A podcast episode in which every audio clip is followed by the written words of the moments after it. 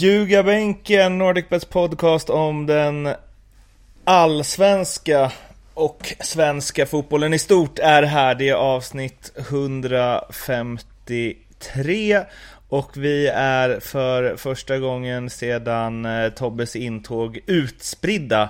Därför har vi haft en liten session här på morgonen på eh, 20 minuter där vi ställt in ljud och så. Och Lindström överraskar med lite ljudtips. Mm.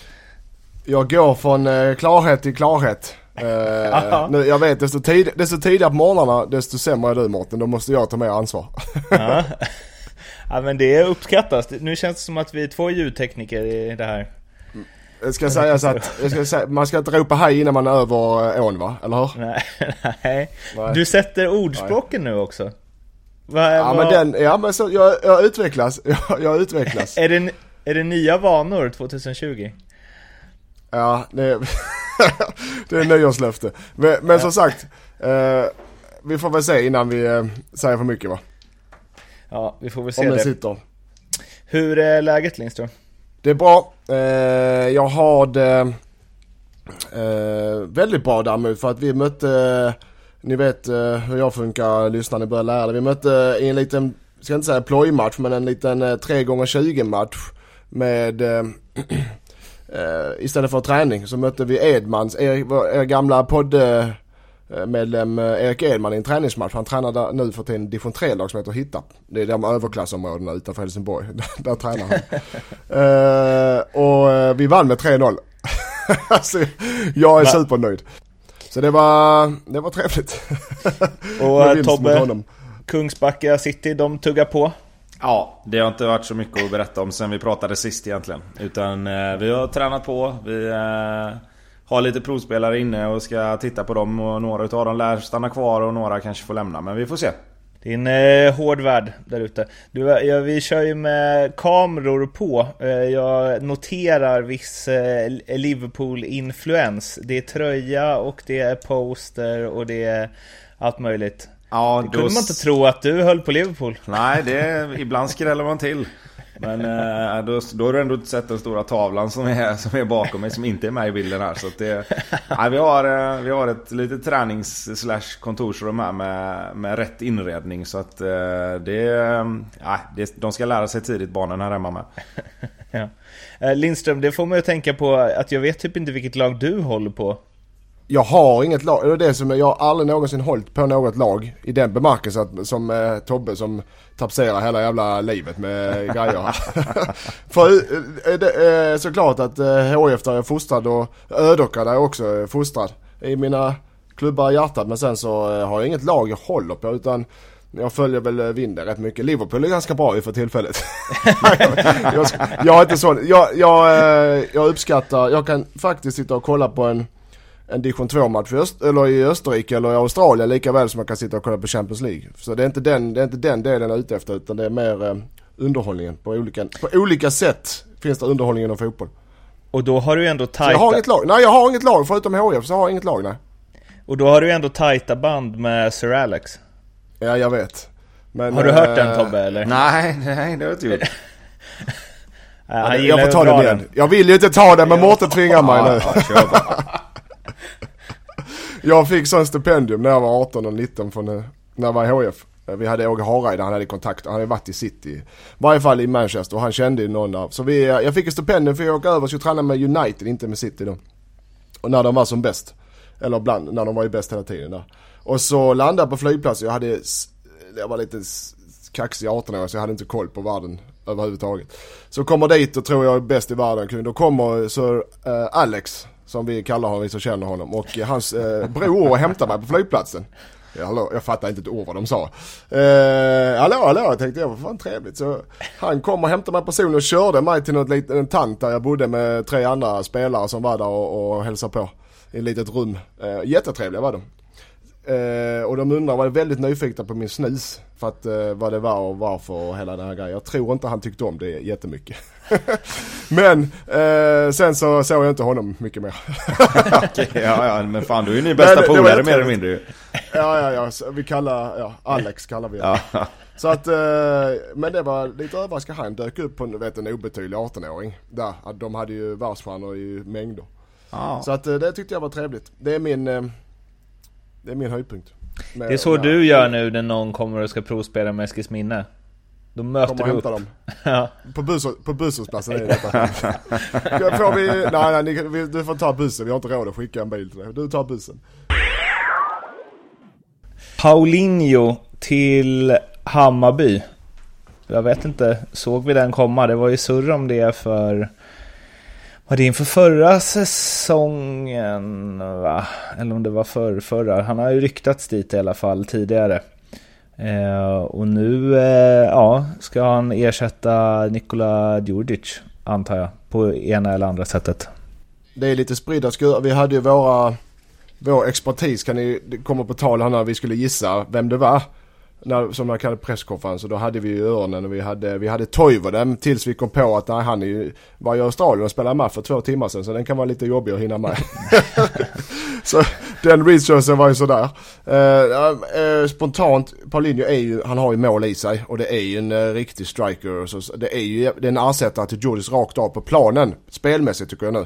Som person eh, är det svårt att ersätta den, eh, det Jordis har varit för Hammarby. Eh, Det, det, det är nog ingen som kan göra det och det kommer han inte göra. Men rent spelmässigt med målproduktion och med, med spetsegenskaper. Ska sägas om man håller sig frisk. Eh, och i fysisk form som jag tror de kommer knacka på honom ordentligt nu. Så, så tror jag det kan vara fullgod ersättare. På planet pratar jag nu. Eh, sen så är det andra delar som, kommer, som inte kommer eh, stämma in där. Men det är klart att det får ju andra i gruppen ta större ansvar då när det försvinner en sån profil eh, i omklädningsrummet. Och utåt sett för Hammarby.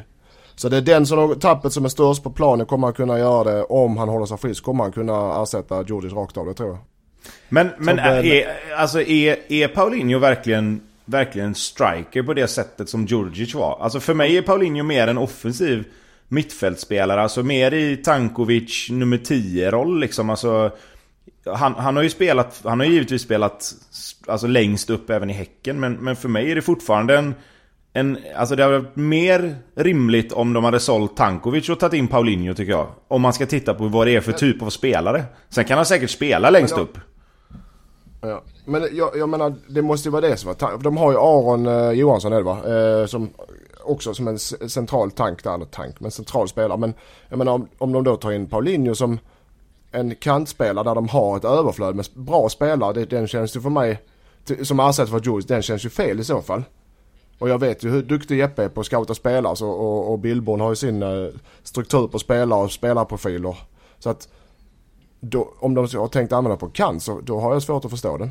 Nej, jag, jag tror det är som du säger. Jag tror att tanken är att han ska ersätta Djurdjic rakt av. Men jag menar mer... Är, är han en renodlad nummer nio liksom? Alltså... Om man ska, om man ska Han- se han- det utifrån han har varit innan. Nej, han är inte renodlad det. Men jag, jag, jag, jag tänker så här, när du har de spelarna, så som Hammarby spelar, när du har de spelarna runt dig som kommer i full fart och det, och det är bollar in i eh, assist zone och golden zone gång på gång på gång på gång från eh, snett bakåt och det är eh, stick och allting. I den, i, den, I det sättet att spela tror jag han är farlig för då får han hålla sig runt eh, avslutningsområdet hela tiden. Och där, det, där, när han får chanser så sätter han dem ju. Det är målskytt. De menar att alltså, håll, håll, dig, håll honom centralt, låt han få andra servera honom så kommer han kunna smälla in baljorna. Ja, du menar, jag ja, du menar han kommer bli mer som en... Han blir mer som en droppande nia egentligen. Inte så mycket djupled exakt. mer. För Nikola Djurdjic löpte ju nej, rätt det- mycket djupled också. Paulinho har inte den speeden på det sättet. Eller den uthålligheten, löputhålligheten tror jag, tror jag inte. Utan han, jag, jag vill ha honom, håll, håll honom centralt. Låt det vara han som petar in de alla här bollarna som Ja. kommer in i straffområdet på det sättet de spelar. Så tror jag. Eh, jag hoppas att de använder honom. Men han är inte direkt klippt och skuren för Bayerns eh, höga press liksom. Ja fast där ska man... Nej. Fast där, det, det är lite myt tycker jag också. Han, han har... eh, Första svängen han var i, i Häcken, då tycker jag han kanske var lite mer bekväm. Alltså, men sen från vad jag har sett och när vi har mött honom så han jobbar rätt hårt alltså. Han kan ta ett rätt bra defensivt jobb längs med sin kant där när han har varit när han har varit uppe. Sen, sen är det klart att i det så som Häcken spelade många gånger så var det ju tanken att både han och Nasir Mohammed och Irandost skulle ligga och, och fuska lite grann för att kunna ställa om de försvarar ju gärna med sex man och sen så skulle de smälla upp bollarna på kanterna och sen bara gå därifrån. Men om han måste ta jobbet, det tror jag nog, framförallt som, som nia i alltså ett, en första press, det tror jag absolut att han kommer lösa. Så där är jag inte direkt orolig. Men vad tänker vi, alltså då är förutsatt att Tankovic blir kvar då, så är det Tankovic vänster, Kacaniklic till höger och sen så Paulinho längst fram. Vad ska det vara för typ på den centrala av de, ja, av tri, trion i 2-3-1 liksom? Så, så om det är nu vet jag, men Paulinho har du en lite droppande Paulinho som du var inne på Tobbe. Så han, han kan komma ner så har du Tankovic och, och, och Kaklanic som kan skära in bakom honom i, i löpningar. Så det, det, den kan vara intressant också för de har mer speed. Uh, men sen vet jag vet inte, hur det, det får man väl se lite när han kommer att spela hur det utformas och hur de andra rättar sig. För jag uh, tänker att han kommer spela i den liksom centrala av de tre. Och sen har de ja, men det, det, Aaron Johansson på topp. Eller vem ja, det nu är. Ja, ja men jag, Ja, om han är tillräckligt bra, amerikanaren här alltså. Ja, alltså, ja. Du, du har, alltså ett alternativ är ju att de satsar lite mer på Imad Khalili också. Han gjorde ju ändå en del bra matcher förra året. Uh, sen kanske inte det... Imad, ja, Imad är bra men du kan inte ha, det tror jag inte, men att ha Imad i 30 matcher i Allsvenskan. Det, jag tror inte kropp, hans kropp håller för det utan det är en sån spelare du får uh, matcha klokt. Ja, absolut. Men jag tänker mer som alternativ om du ska spela Paulinho mer i en nummer 10-roll. Så kan du ha både Aron Johansson och Imad Khalili längst upp. Och sen de matcherna du behöver så kan du spela med Paulinho längst upp. Du kan ju i viss mån kasta in eh, Tankovic i en nummer 10-roll också även om han gör sig bäst utifrån sin vänsterkant där han har fungerat nu. Men jag tänker att där har du liksom, du har ju tre spelare centralt. Khalili kan ju gå höger också givetvis men det finns ju ändå tre spelare i Paulinho, Aron Johansson och Khalili som kan gå runt på de två platserna som är i mitten. Ja, man behöver inte rista in det i sten heller utan man, får, man kan ju rätta efter motstånd, man kan ju rätta det efter eh, kemin spelare emellan. Så att det, den, eh, det får nog tiden utvisa hur, var han passar bäst och var han hamnar. Sen så... Men mål, man kan säga det, det kan säga, mål kommer han göra. För det gör mm. han. Det är det han, det är det han gör. Ja, ja absolut. Jag såg, var, höjdes ju röster för att han ska vara ännu skulle passa ännu bättre in i Bayern än i, Häcken. Ja, gör han det så har ju Hammarby gjort ett jätteklipp för han har ändå hästat in mål i Häcken liksom. Så att, eh, det, det, men alltså, ja, det är klart att han kommer göra mål alltså. Men, men han blir äldre med och han har varit ganska mycket skadad alltså. Han blir ju trots allt inte jättelångvarig i Israel och det var väl för att han var skadad. Det är den som är, det är, den som är nyckeln. Ja, det, det Hans känns knä så. ska ju vara lite sådär. Ja, det har man ju hört eh, redan innan liksom att, att hans, hans eh, dels knäna men kroppen i övrigt är ju inte 100% ens när han var några år yngre. Eh, jag kan väl se en liten fara i det. Om, framförallt nu, nu har han ju spelat på konstgräs och är van vid det då. Men, men just det där att komma tillbaka. Ju, men, ju äldre man blir desto jobbigare är det att hoppa fram och tillbaka mellan, mellan underlag också. Liksom. Och har man då trasiga knän sen innan så kan det vara halvjobbigt. Sen tror jag att de har gjort en läkarundersökning och kollat så att det inte är liksom helt finito. Men fortfarande, det, det, är lite... Det finns en brasklapp just med skadorna där ändå, det tycker jag ändå. Om han når liksom sin klass, hur eh, högt håller ni honom i, eh, med allsvenska mått mätt? Ja, han, det är ju en topp 5-spelare absolut. Om han får vara frisk och, och, är lika bra som han har varit i sessionerna i Häcken så, så absolut topp 5. Det kan, han, det kan han lätt vara. Jag håller också, det handlar om att hålla sig frisk och matcha honom klok så jag är också topp 5. Det är det. Jag tror det är definitivt en utmanare till skytteligan. Så som Hammarby spelar också. Skytteligavinnare då. Direkt efter inspelning sist så basunerades det ut att eh, Sebbe Eriksson lämnar eh, Blåvitt. Han eh, flyttar till Genoa och eh, Italien och eh, jag vet inte vad det Det började ju ryktas där ett par dagar innan vi eh, spelade in sist men det kan väl inte varit en spelare som IFK räknade med att förlora va?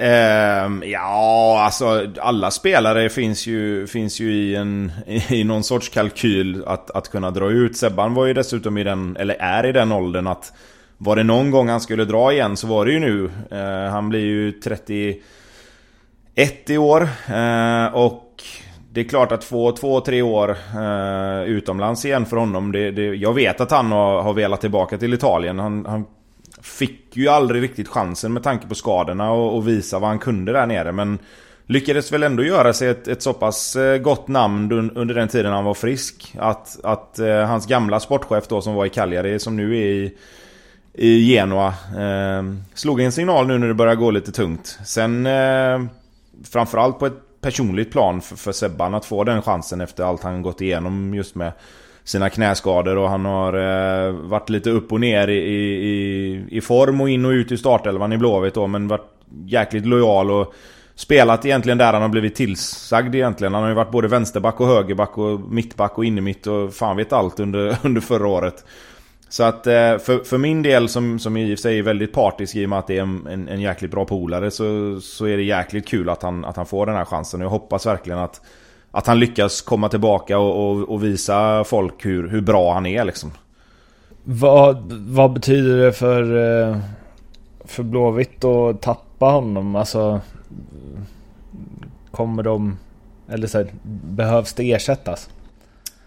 Um, ja, alltså som jag sa i och med att han var in och ut ur, ur startelvan mycket så, så är det ju ingen kanske spelare som de... Alltså rent kvalitetsmässigt, jag tycker ju Sebban är en tillräckligt bra spelare för att spela i Blåvitt men det finns ju ett överflöd av mittfältare samtidigt. eh, och han fick ju spela mycket på andra positioner som jag sa, högerback, mittback. Så framförallt för numerären är det ju en spelare som de, som de måste ersätta. De måste ha in en spelare till för att ha tillräckligt många spelare på, på träning.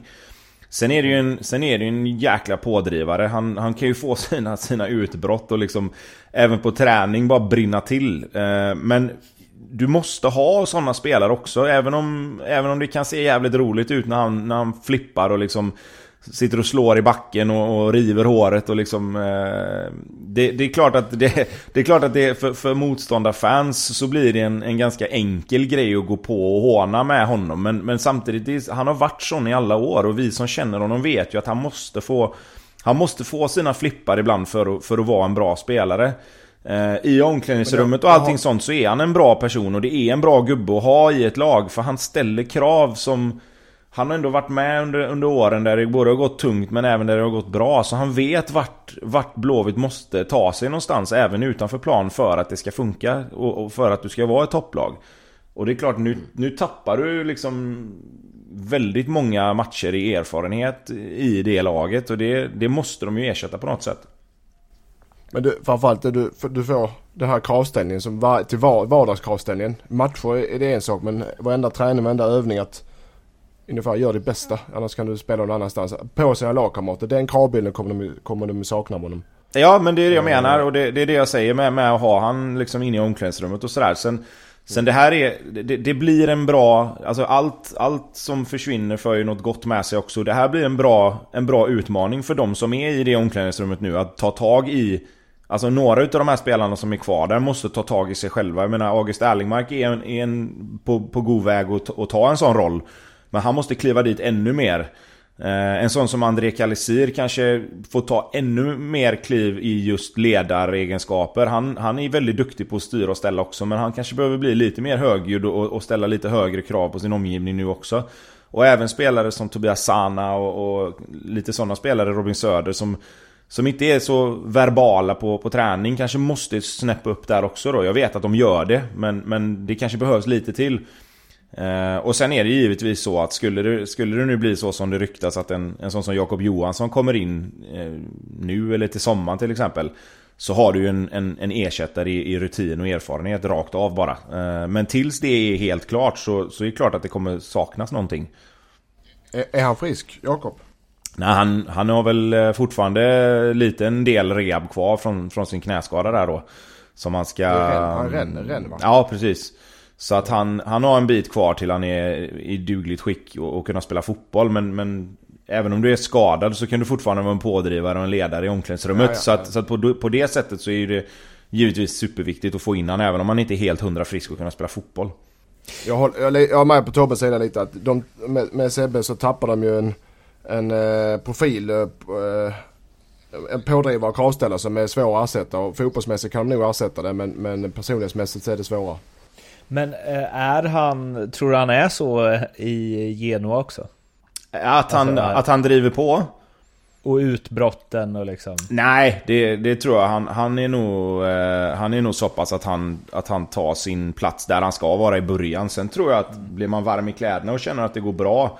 Det där handlar ju lite grann, alltså det finns ju någon sorts osynlig och även synlig hierarki i alla lag. Och kommer du in som ny så, så, så går du inte rätt in och, och bara bomba på liksom. Det, det, kan man göra om man är Ronaldo eller Zlatan eller om du har den statusen som spelare att du liksom kommer in och ska vara stjärna. Då kan du ta din plats i hierarkin lite högre upp. Men när du kommer som, som Sebban gör nu och, och ska på något sätt komma in med lite energi och, och, och liksom få Genoa någonstans. Och inte, det är inte så att han ska ge dem liksom framtidstro. Men han kommer, ska ju komma in med energi och visa att fasiken, vi, vi, liksom, jag är här för att hjälpa till. Och det har han ju sagt i något sånt här eh, tal till dem också. Att, att jag är här för att hjälpa till liksom. Eh, men sen att han får sina sådana utbrott, det, det har jag svårt att se, i alla fall i början. man, man vill ju se, jag vill ju se dem på italienska känner jag. Ja, eller hur? Han pratar ju flytande, han pratar ju flytande också, så det kommer han ju kunna ja. göra. Jäkla fin stad för övrigt. Kan vi meddela också. Ja, just det. Du har varit där och spelat i Europa League eller vad var det? Mot eh, Sampdoria. Bra, det var, det var Tobbe som sa det, inte jag. Fick du det sagt. Ka ja, Casano var sämst på plan ja. och då var ändå jag på plan.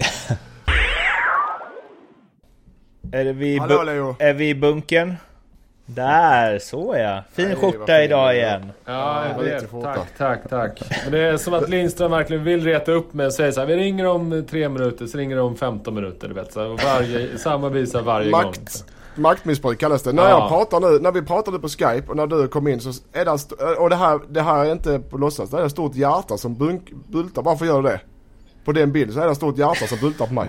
Det är sant alltså. Nej, jag vet inte. Du får jag måste trycka bort kolla det. kundtjänst.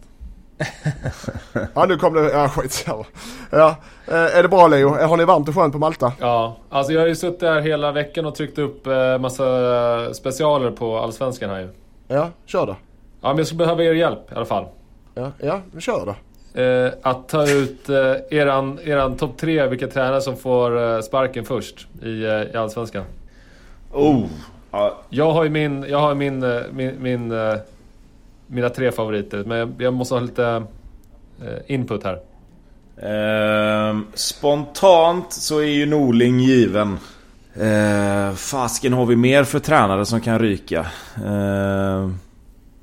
Jag tror... Eh... Vi, vi, kan ju säga nu, är, när Lasse är inte med, att eh, han var ju inte nådig mot, eh, mot Thelin. Eh, off the record. Nej jag vet men jag, jag, jag har hört mycket där också Thelin alltså. sitter säkert. Thelin sitter ah. säkert. Ja, ja det, det jag har hört eh, sitter Thelin jävligt säkert. Så jag tror Norling har vi. Jag tror faktiskt Hasse Eklund kan sitta lite risigt i det. Eh, och eh, Alm. Då har du mina tre. Ja. Norling, eh, Eklund, Alm.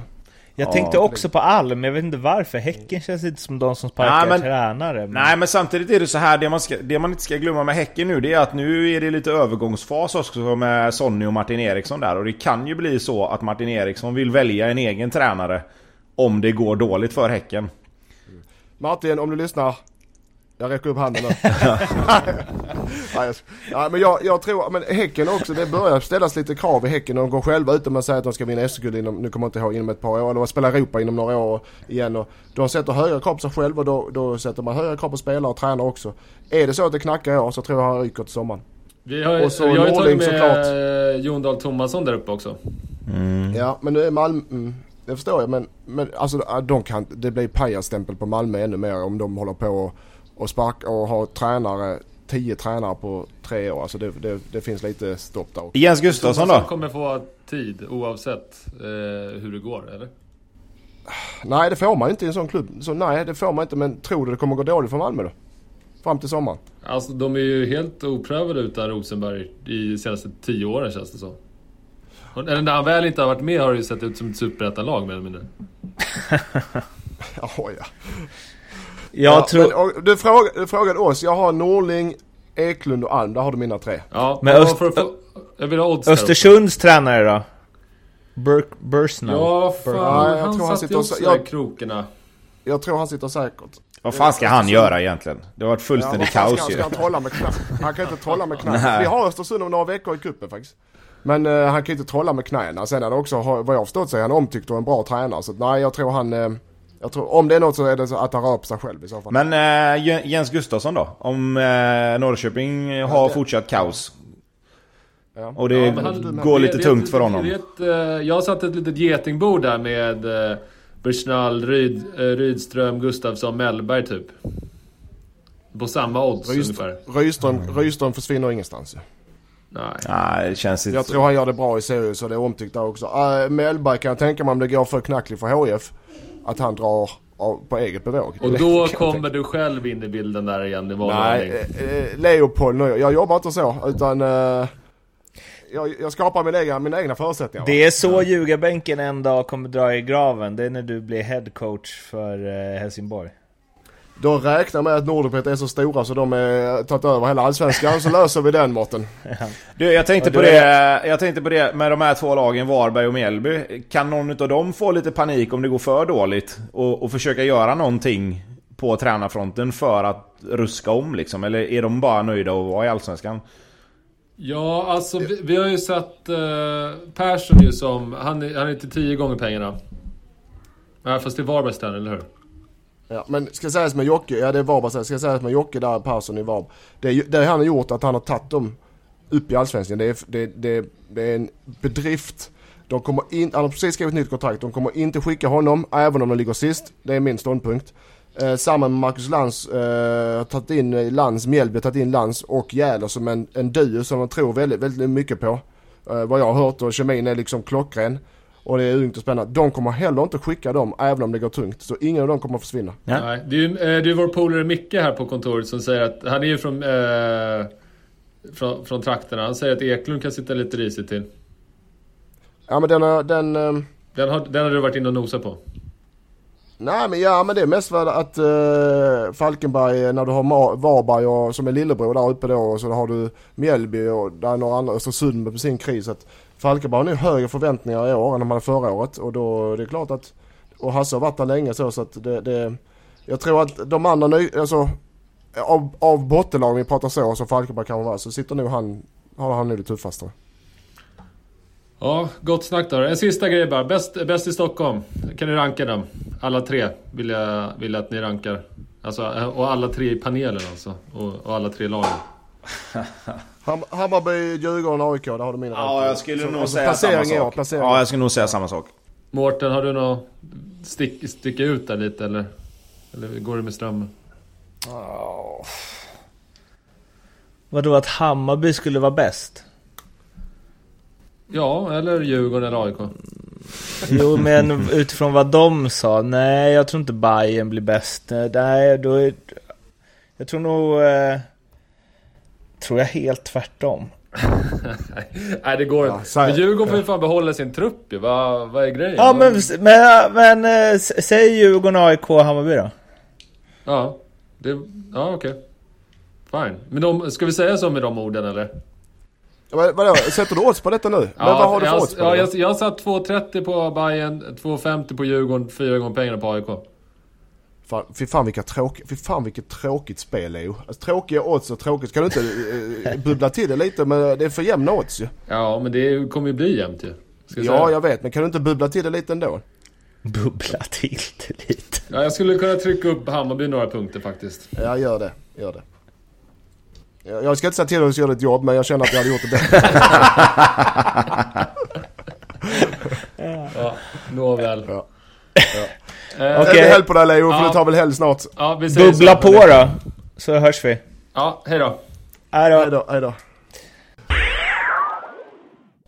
Du har ju spelat lite träningsmatcher. Förra avsnittet så pratade vi om hur eh, viktiga de eh, är och vad det egentligen betyder. Så det kan ni ju ha i bakhuvudet när vi går in i, i att eh, diskutera de matcher som spelats. Vi börjar eh, med eh, AIK som mötte Västerås i en 1-1 eh, historia och eh, Ja, det är väl inget som man... Eh, det var väl inte så o-AIK-igt direkt om vi ser till de senaste säsongerna. Nej, men det som var o-AIK-igt mm. det var väl att de provade lite 3-4-3 formation så det är mer, spelar du den formationen när du har mittbackar som trycker upp bollen, du har kanske med innermittfältare som droppar ner i, i backlinjen istället. Du får mer offensiv balans, du får mer fart och fläkt och mer löpningar från framförallt eh, den trean där uppe och yttermittfältaren så att säga. Eh, wingbacks eller vad man kan kalla dem. Eh, och det är väl det, verkar som de ska spela för de, de, har, de, de nöter det ganska friskt alltså. Eh, och då blir det ju ett, eh, då plötsligt ska det vara bollförande för de mer spelar offensivt, det ska vara mer spelutbyggnad. Eh, du har eh, större, du har mindre balans också defensivt ska sägas. Men hanterar du det här så blir det ett AIK som inte kommer att se ut som de andra åren. Eh, det kan du inte i 3-4-3.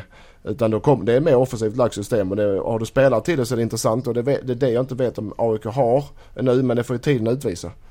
Så jag tycker det kan vara lite intressant att de provar lite nytt i år. Eh, om det ger effekt. Men de hade hur... Bilal Hussein som, som anfallare som blev matchens lirare men det, det är inte hans position.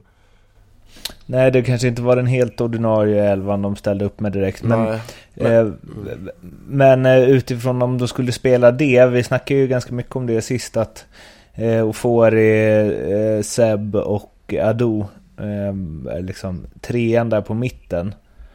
Mm, mm. Alltså med fyra mittfält, tänker de... Skjuter de på det då så att en, alltså, en av dem går ut på kant, alltså en av... Ja. Alltså att Seb Larsson typ utgår från en kant då liksom.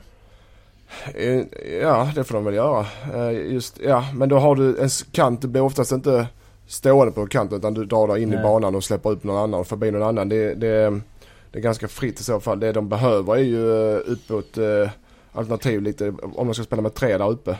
De mm. har mm. Tarek försvunnit och Basio försvunnit. Du har ju Goitom, du har Sigurdsson. Bahoui skadad. Bahoui skadad. Ja. ja, nej men alltså det, det, som är med, det som är med den formationen tycker jag, det är att bakåt sett så blir det inte så stor skillnad mot när de spelar med trebacks. Eh, när de hade Robin Jansson, Per Karlsson och Milosevic. Och sen spelar de med två wingbacks. Som nu då blir mittfältare, eller vad man ska kalla det istället. Sen har ja, du fortfarande två sittande mittfältare. På ett sånt fyrmanna mittfält. Det, skillnaden blir ju att den tredje gubben de hade på mitten där blir ju, blir ju upp, uppflyttad på något sätt. Alltså om han spelar vänster eller höger. Det, jag kan ju se ett AIK som spelar nästan med en, med en, alltså en fyra på mitten. Där, det, där de låter kanterna sköta sitt. Och där, om man säger ytterforwardsen då i ett 4, eller 3-4-3. Blir mer som, som inner, innerforwards egentligen. Alltså du spelar med en nia, två wingbacks eller yttermittfältare som kommer på kanterna. Och sen har du ett block på fyra egentligen med två sittande eh, mittfältare och två lite mer offensiva mittfältare. Och i en sån roll så tror jag, det snackade vi om sist, att kan du få Sebastian Larsson i en sån roll, lite mer framskjuten, eh, det kan passa honom ganska bra alltså. Det tror jag kan passa riktigt, riktigt bra. De får i alla fall en spelare till, även om de spelar samma försvarsspel med sina tre och sen fem, alltså tre mittbackar, två wingbacks och två sittande. Så är det fortfarande en gubbe till i en omställningsfas som du kan få med. Och kan, det, kan den spelaren vara antingen då Henok Goitom eller Sebastian Larsson som kan få en första, alltså första pass i en, i, i en omställning. Så har du ju bra eh, med, med, alternativ om du fyller på med två snabba kanter och, och sen dessutom har en, en spelare av de andra två i, i, i forwardslinjen där som, som är snabb. Så jag tror inte att Sigthorsson och Goitom kanske spelar lika mycket samtidigt. För, för då måste, du måste ha en av de tre där fram, måste ju vara en med speed. Men eh, oavsett så jag tycker det ser spännande ut att de provar lite nytt och det är det man vill se av AIK. För nu när de behöll eh, Norling att fan, ska det se likadant ut i år igen? Nej, antagligen inte. Det tycker jag ser spännande ut. Och 1-1 mot... Ska sägas att eh, Haugård, Haugård, den nya målvakt, så eh, stabil, eh, eller Eh, andra halvlek när han fick lite att göra där. Att det, det är nog en sund varvning det också. Kanske till och med ett uppbyte mot eh, Linnér i någon form av eh, aura i alla fall. Ja. nej, men, nej men jag tänker att det är viktigt liksom. Att man... Eh, Pond, Som målvakt, en pondus och en, och en eh, såklart, du, du är, ska synas och höra som målvakt. För Linnér var ju jävligt bra långa stunder. Han spelade ju bakom ett eh, väldigt eh, tätt försvar också förstås.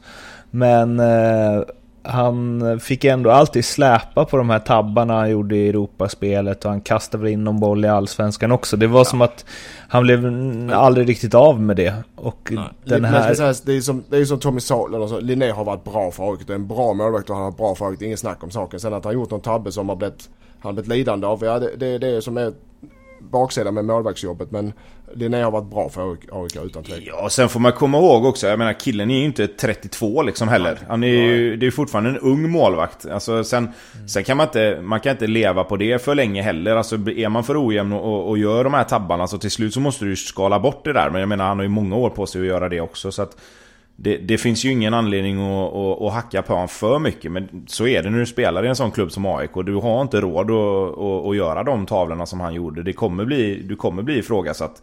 Oavsett vad det är för ålder på dig. Så att, eh, det, det, jag tror det kan vara bra för, för Linnér också att få en liten miljöombyte. Vi hoppar vidare till eh, Helsingborg mot eh, Lyngby. Lyngby vann 3-2 och det mest intressanta med HF just nu är ju Gigovic som Ja, redan i fjol eh, drog eh, blickar till sig och vi pratade om honom i ljugarbänken och eh, ja, höjde honom en del. Nu ska det ha kommit in 10 miljoners bud och eh, ja, vad, vad händer där tror vi Lindström? Ja, nej, så som jag vet väl att de HF tackar nej till 10 miljonersbudet och han sitter ju på ett lärlingskontrakt. Det är det som är, han har inget A-kontrakt i HF utan ett lärlingskontrakt. Så de, de försöker skriva såklart eh, i början av höstas vad jag har förstått i november där med att försöka få honom ett, på ett en riktig kontrakt så att säga. Han fyller 18 i år. Eh, och binda, till, binda honom några år. Och de förhandlar, inget nytt. Eh, utan som han själv uttryckte sig att min agent, jag sitter med i eh, mötena men jag lyssnar mest utan min agent sköter snacket och det är väl Ja men det är väl klokt Han säger vad han vill. En 18-årig kille ska inte sitta med när det rör sig om sådana här summor och en sån framtid. Det, det, är det är business för en annan skötare som spelar han. Det är väl klokt kan jag tycka. Men eh, och HF sitter ju på ja, en riktig guldklimp. Du har ju Wolverhampton, eh, CSKA Moskva. Amiens Amiens. Amiens. Amiens. Uttalar vi det korrekt nu? Amiens.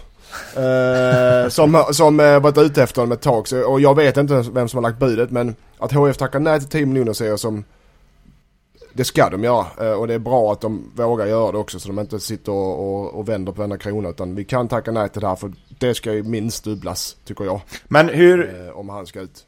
Men hur funkar det? I framtiden. Ja, men hur funkar det med det om han sitter på ett lärlingskontrakt? Alltså, det, för, jag vet för inte. att det, det, det far, faran är ju att han inte skriver på ett A-lagskontrakt och då får de, ingen, ja, då får de ju vet, bara ersättningen för, alltså den här eh, utbildningsersättningen liksom. Ja, men, men så som jag, eftersom de tackar nej till 10 miljoner, om det nu är konkret 10 miljoners bud. Eh, och de sitter i förhandlingar med honom så bör det kan jag tycka då att då bör de ju ha kommit ganska långt i förhandlingarna. Om de har, om de har stakat och tackat nej till 10 miljoner måste de vara positiva till att okej. Okay, det, här är, det här har vi koll på. Men det är Granen som sitter och tackar nej va? Det vet man aldrig man. jag vet inte vem som sitter i förhandlingarna. ja, ja för fan det kan jag lösa.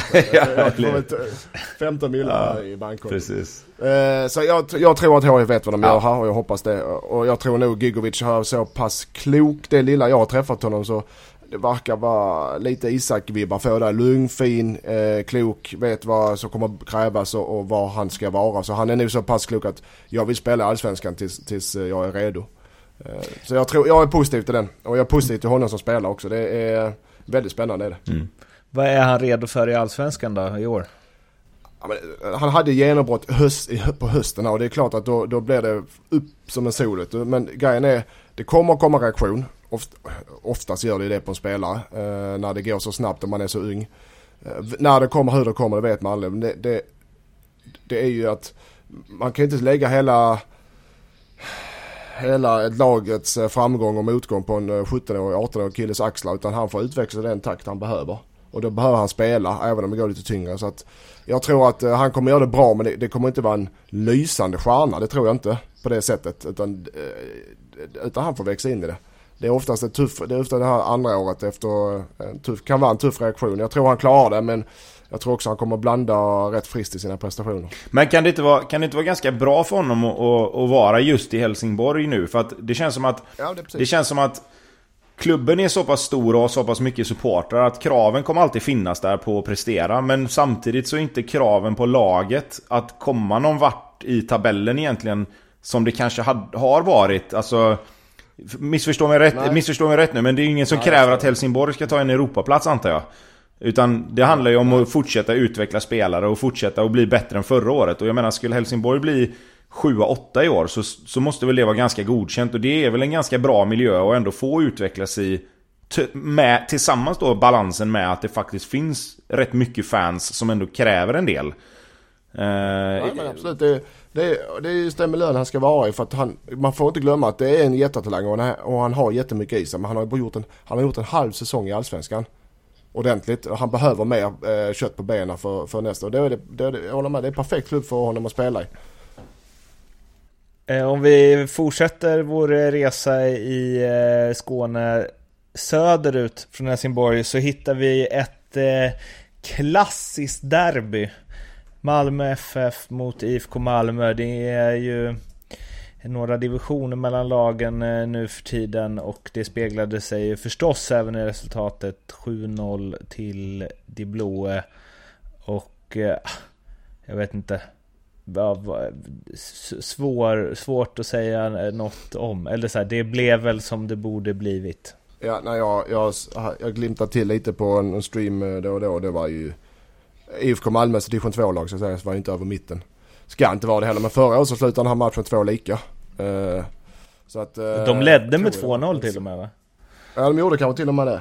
Uh, men nej, nej, och det var som uh, Jondal sa att vi kunde gjort vunnit med 10-0 utan problem. Så det var den klasskillnaden ska vara. Man säger att det ska vara två, om du hårdrar det ska det vara två mål per serie oftast. Så division 2, division 1 två mål, superettan 2, ja 6, 7, 0. Ja, ja det brukar ligga där. Så att uh, det var väl ingen, uh, det var mest för att få ihop gänget tror jag, för att träna lite anfallsfotboll. Det som är intressant här är väl att det ryktas om Toivonen till Malmö kan jag tycka är mest intressant. I, eh, snacket, eh, ja, men I snacket efter matchen var det inte eh, hur, vem och vad som gjorde mål och vem bla bla bla hit och dit och IFK Malmö klassisk match utan kommer Toivonen och kommer Toivonen inte till Malmö. Det är väl det som det snackas mest om. Daniel Andersson sa i en intervju med eh, Fotboll Skåne att, eh, han är, en, Toivonen är en väldigt intressant spelare. Det sa han ju om Dormas också men att han liksom Toivonen vill ju hem eh, och Dormas trodde han skulle göra lite mer tid ute i Europa. Men ehm, ja, Ola Toivonen, alltså, jag, det känns som att det kommer bli i Malmö. Ja, det är väl lite ja, omöjligt. Jag får, också, ja. jag får också de vibbarna. Det, det, säsongen där tar slut i början av maj. Har de eh, någon här eh, AFC Champions League med Melbourne Victory. Sen är, det, sen är han ju färdig.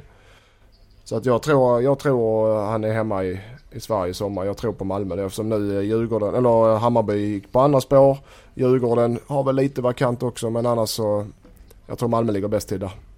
Just eh, men det har väl egentligen också helt... Just att Danne, just att Danne är där också. De har spelat ihop ganska mycket. Ja men och sen har, det har väl egentligen bara med att göra var han vill bo egentligen.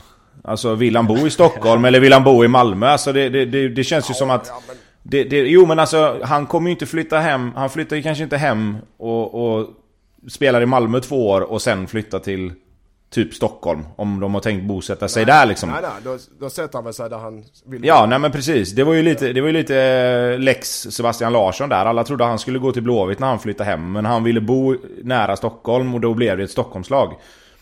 Alltså det, det blir ju samma för Ola lite grann egentligen. Alltså vart vill de, vart vill familjen bosätta sig? Eller, eller kan han tänka sig att bosätta sig och spela färdigt då, om man säger i Malmö och sen ta familjen igen och flytta? Det, det blir ju mer... Jag tror det mer kommer handla om det beslutet än egentligen om han ska spela i, i Malmö eller kontra Djurgården då, eller vad det nu kan vara. Och du som känner honom bättre med, var vill han då bo? Nej, det har jag ingen aning. Alltså, så... så... Han kanske vill bo i Köpenhamn? Ja, ja, nej, ja, men precis. Ja, ja, absolut. Nej, men, men du förstår, du förstår hur jag tänker liksom. Alltså, i den, i, den, ja, ja. i den svängen så blir det ju mer... Alltså beslutet tror jag mer tas utifrån geografi än kanske klubb i, i första hand. Och sen är det liksom 50-50 eller skitsamma, då är det klart att då väljer han ju klubb efter var han vill spela givetvis. Uh, ja. man, ska inte under, man ska inte underskatta den, den delen i det bara. Mm. Nej. Nej men det, det är klokt inlägg. Det så, desto äldre man blir och man vill eh, hem och rota sig så blir det ju oftast det som avgör. Vad familjen vill och, eh, och du har släktingar och du har familj och allt vad fasen det är. En eh, till grej om Malmö om vi ändå... Jag tror han spelar Malmö ska sägas i sommar. Mm. Ja det tror jag också. om vi ska säga något om eh, matchen så Eh, jag var inne på Gigovic i eh, Helsingborg, spännande spelare förstås. Eh, Nalic i Malmö är ju också en sån, han var utlånad till AFC förra säsongen. Och nu gjorde han två baljor. han är ju... Fint steg alltså. Ja, och han är ju 22 bast nu och det känns väl som att det kan, ja, det kan vara ett rejält genombrott på gång. Om de vågar igenom Jag hörde att Elfsborg var, att han var på väg att bli utlånad till Elfsborg. Mm -hmm. Jag, jag, jag, tror inte han tar plats i Malmö. Nej, jag tycker... Alltså det känns för mig, det känns för mig som att Nalic kan göra samma resa som Cibicki gjorde, tror jag. Uh, han kommer bli en bra spelare, men kanske inte i Malmö. Utan göra något år eller två som, som utlånad spelare. Jag tyckte han var bra i AFC. Eh, svårt att göra någonting där, men, men jag tyckte ändå han han glimtade till och gjorde det jävligt bra de, de gångerna jag såg dem. Eh, jag tror att han hade mått bra av att få gå till ett lag som spelar fotboll, som inte är riktigt så konkurrensstarka som, som Malmö är. För han kommer inte få tillräckligt med minuter i Malmö. Då får han göra det jävligt bra i så fall. Och, och riktigt där vet jag inte om han är än. Men Elfsborg hade väl varit ett perfekt eh, steg för honom att få spela 25-26 matcher kanske och, och göra det riktigt bra då. Bayern inledde försäsongen med en 4-0 torsk mot Midtjylland. Och eh, ja, det blåser på Söder. Redan. Den, ja, den, ja den, den ser ju illa ut och framförallt som matchen var att Hammar, eller Midtjylland var ju bättre kan man säga. Men i det fallet så, för, det, för nummer ett, jag får bara ta vad jag tycker. Nummer ett, det får vi i vår podd ju. Ja, ja. det är det som är hela grejen med att göra den va? ja, ja. Num, uh, nummer ett, Midtjylland är ett jävligt bra lag ska sägas. Det är inget uh, låtsaslag det där. Uh, nummer två är att de, eh, de har in i den här pigga benfasen, Midtjylland ska snart in i säsong. Hammarby, vad jag har förstått, eh, har tränat tuffare än någonsin rent fysiskt och är nertränad. Och är du nertränad som spelare, det betyder tunga ben, trött i huvudet, uh, allmänt nertränad. Så, så, hänger det ihop. Hjärnan, benen är trötta, hjärnan är trött. Då hänger det ihop med beslutsfattningen. Så när det är en massa enkla misstag som det var den matchen så Ja men man kan väl slå en pass fast man har trötta ben. Nej, det funkar inte så. Utan har du trötta ben och du är nedtränad har du trött hjärna också. Det hänger ihop och då tar du fel beslut. Så nej, det är inte lätt att slå en femmeterspass fast du eh, har gått fem minuter av matchen. För du är trött, inte bara benen utan även hjärnan. Så det funkar. Så att eh, är man Hammarby ska man inte dra stora växlar på det. Hoppas jag verkligen inte man gör. För är du, har du en hård fysperiod bakom dig och möter ett lag, ett bra lag som är långt, långt före förberedelserna. Så är det stor skillnad. Så att... Eh, lugn och fin. Så i det här fallet betyder det ingenting? nej det betyder ingenting nej. Det betyder mer att, att uh, Hammarby uh, att deras fysiska träning ger resultat för de är trötta. Vi, eh, jaha, då, då är det väl ingen idé att vi säger mer om det ja, ja, Tobbe, Tobbe kanske tycker annorlunda. Ja. Nej, nej det gör jag inte. Eh, det, det, enda, det enda det betyder egentligen är väl att, att spelarna får sig en liten, eh, en liten käftsmäll. Eh, jag tror inte att man gick in i den matchen Men det kan och... Vara bra ibland. Ja, nej det kan absolut vara bra. Det, det, det återstår ju att se egentligen. Det, det handlar väl egentligen mer om hur man hanterar den här förlusten och den här Alltså hur man värderar den här förlusten inom gruppen eh, Skulle jag säga Alltså jag tror inte fans och Fans och, och, sponsorer och allt sånt där ska nog inte vara oroliga överhuvudtaget Utan det handlar väl mer om hur man, hur man eh, går vidare i gruppen från den här förlusten Hur man, hur man ser på den framförallt Alltså tar man det på rätt sätt även som spelare liksom. Även om man är trött och man vet att man är trött. Du vet ju, det var som vi snackat om, man vill inte förlora med 4-0. Och jag tror inte man har räknat med det heller. Men, men eh, det, det är liksom, man, får ta den på, på hakan och gå vidare liksom. Och det, som sagt, jag tror vissa spelare har enklare att göra det och vissa kanske inte. Ja. Vi hade, jag hade, jag ska säga så att innan, vi hade när vi var som bäst med HF den eran när vi vann eh, det mesta som gick att vinna. Den, starten på den eran började med att vi hade en träningsmatch. Vi hade en ny tränare i, i Conny och P.O. Ljung många nya spelare och vi hade tuff försäsong. Då kom vi till eh, Lyngby som spelar eh, i danska division 1 Superettan i Danmark. Och mötte dem i en träningsmatch i början och slutet av januari, början av februari. Och så vi blev fullständigt utspelade, förlorade med 3-0 mot ett superettan-lag. Alltså fullständigt utspelade. Och då var det efter det, och då, då, tänkte, då sa alla att det här går aldrig. Då, då, då sa vi som lag, då samlade vi oss efter den som lag. Eh, och pratade igenom vad fan det här ska vara, det här och det här. Så det, det var den matchen drog vi nytta av hur, hur länge som helst. Så det behöver inte vara negativt att förlora stort i en match. Var, inte, var inte då Erik Edman eh, eh, sa någonting? Det där drogs ju upp här för ett tag sedan. Det kan jag tänka mig han sa säkert. Jag, jag ska se om jag hittar den. Det var ju... Eh, vi är jävligt Alltså, han snett på det och mesiga. Jag är skeptisk till det vi håller på med för tillfället. Som det är nu kanske var det räcker för en kvalplats. Och sen så en säsong senare hade ni vunnit Allsvenskan. Ja. Men han var ju inte ensam utan vi hade ju eh, möte efter, många spelarmöte efter den här matchen. Som till slut blev eh, något positivt av. Också ma- en viss, viss så här eh, efter matchen irritation hos Edman i det. Kan man ju skönja. Fy fan, det var ingen rolig match alltså. Ja, Nej, nej, vi ska inte prata mer om den.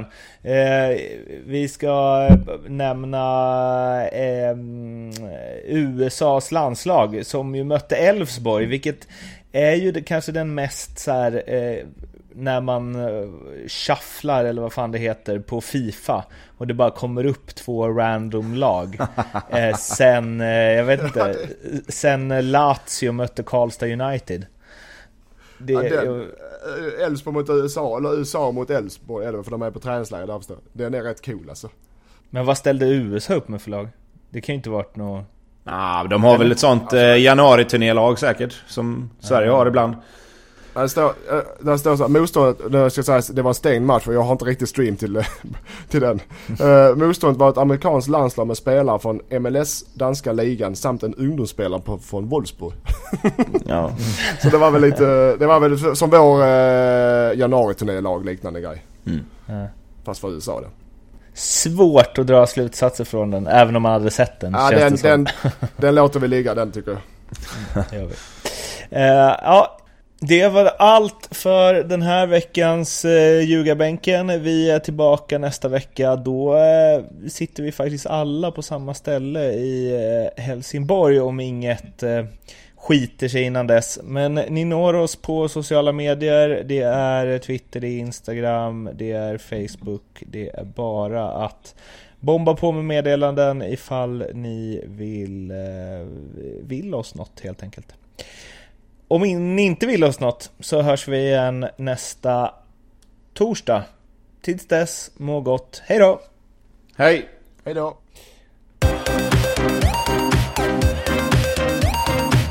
You